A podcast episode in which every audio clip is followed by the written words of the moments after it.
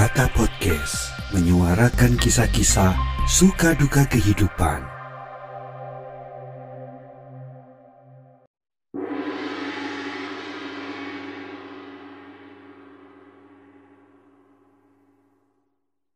Kalau awal tahun ini kita mendengar begitu beraninya kapal-kapal nelayan Tiongkok memasuki perairan Natuna, jangan heran ya temuan puing-puing kapal Tiongkok kuno yang kandas di Pulau Bangka dan Belitung menunjukkan mereka sudah ada sejak dinasti Tang, berburu teripang, sirip hiu, dan abalon di sana.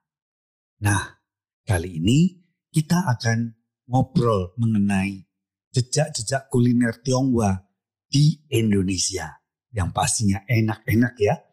Nah, kalau gitu kita akan ngobrol atau gue yang cerita tentang masakan-masakan ini. Sejarahnya kira-kira kayak gini.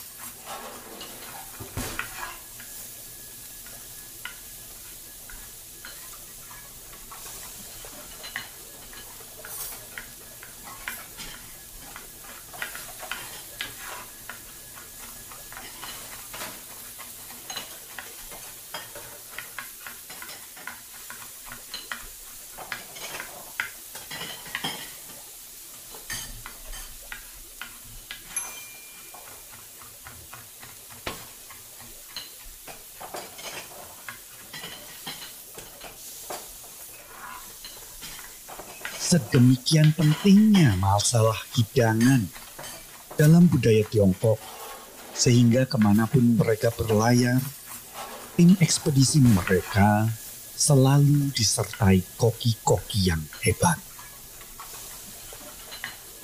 Lama sebelum terbentuk kelompok peranakan Tionghoa, tradisi kuliner Tiongkok sudah terserap dalam tradisi kuliner Nusantara ini masuk akal, mengingat kontak Nusantara dengan orang-orang Tiongkok paling awal terjadi pada abad kelima.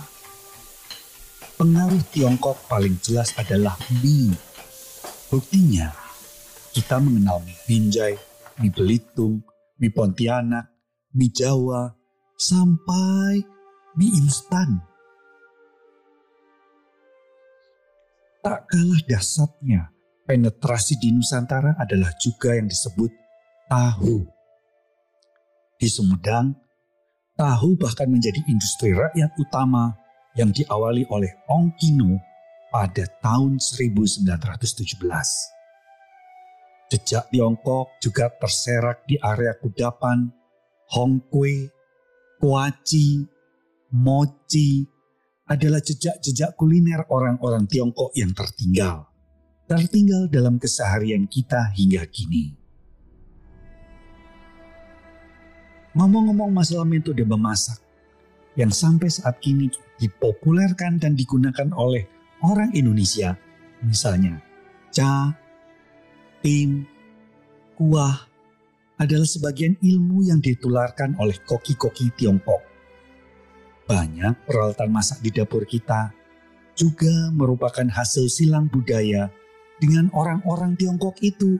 Misalnya, kuali sebagai wadah dari tembikar atau keramik untuk air, untuk pisau, golok.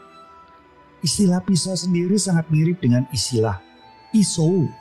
Istilah pisau bahasa Mandarin yang dibaca pisau artinya belati. Anglo, tungku tembikar dengan bahan bakar arang yang dulu dipakai di semua rumah tangga. Sebelum kompor minyak tanah dan kompor gas meluas penggunaannya, juga diilhami model tungku di Fujian.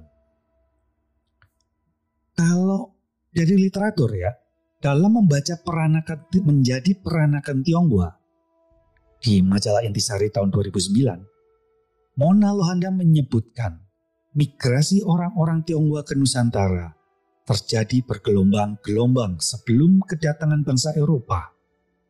Sebelum itu, unsur Tionghoa banyak terserap oleh lapisan pengusaha atau penguasa lokal.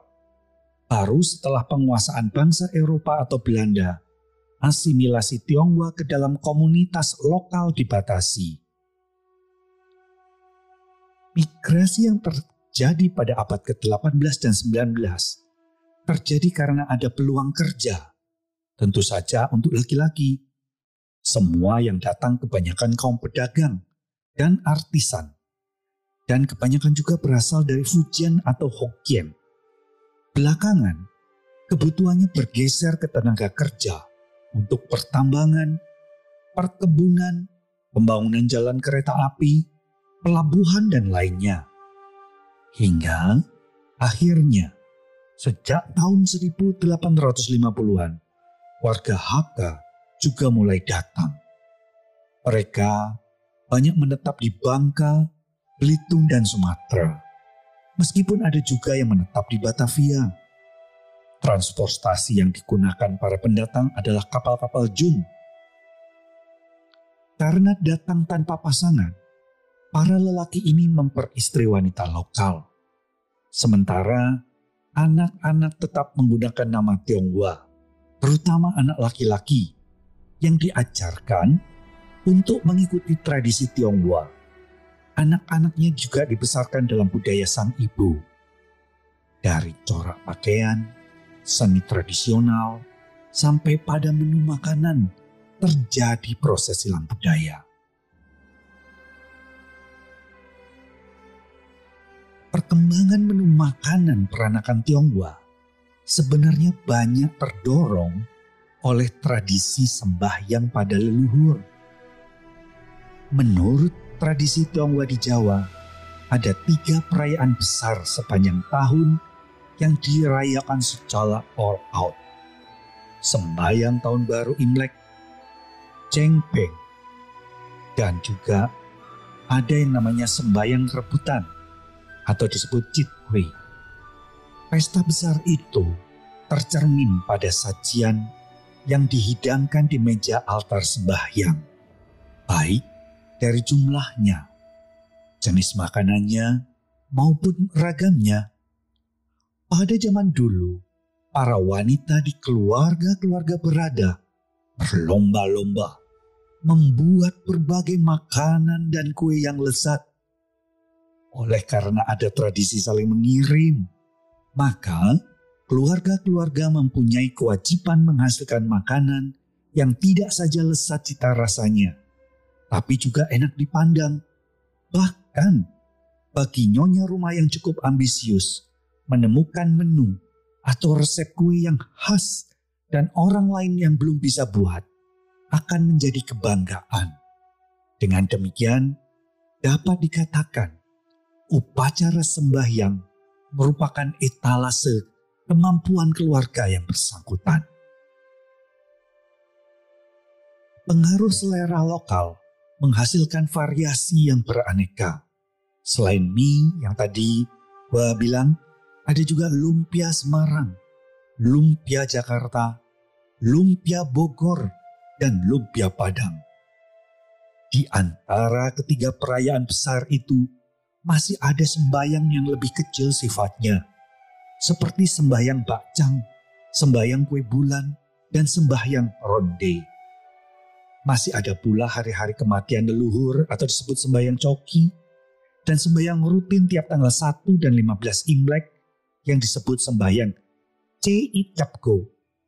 Sajian inti pada altar sembahyang meliputi kayak teh gitu, teh liau, di Jakarta gula batu, tangkwe, angco, olang kaling, kingkip, lengkeng kering utuh dengan kulitnya. Ada juga nasi dan sawi kuacai.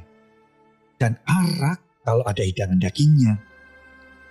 Tapi bagi keluarga dengan dana terbatas, menghormati leluhur dengan menyajikan tiga hal tadi sudah cukup kok. Seandainya masih ada dana akan lebih baik bila kepala meja juga disediakan. Kepala meja adalah hidangan yang diletakkan paling depan di meja altar sembahyang. Hidangan pada kepala meja ini melambangkan doa Siusian Hau Hai yang dari bahasa Hokian berarti keberkahan datang sebesar lautan timur dan panjang usianya setinggi gunung selatan. Lautan timur maksudnya di timur Tiongkok, yaitu Samudra Pasifik. Sedangkan gunung di selatan adalah gunung Himalaya. Untuk melambangkannya, doa-doa yang baik itu juga biasanya dipilih makanan sebagai kira-kira kayak gini nih. Ada kue moho atau kue apem. Kalau di Medan disebut huatpe yang mengembang besar, melambangkan hoki yang mengembang besar. Di Semarang dikenal kue gembreng atau tuapia, yaitu kuah kuah kuah pia ini adalah kue pia yang besar, disebut sonkuk atau kue matahari. Ada lagi kue lapis yang lapisannya melambangkan rezeki dan keberuntungan yang datang sampai berlapis-lapis.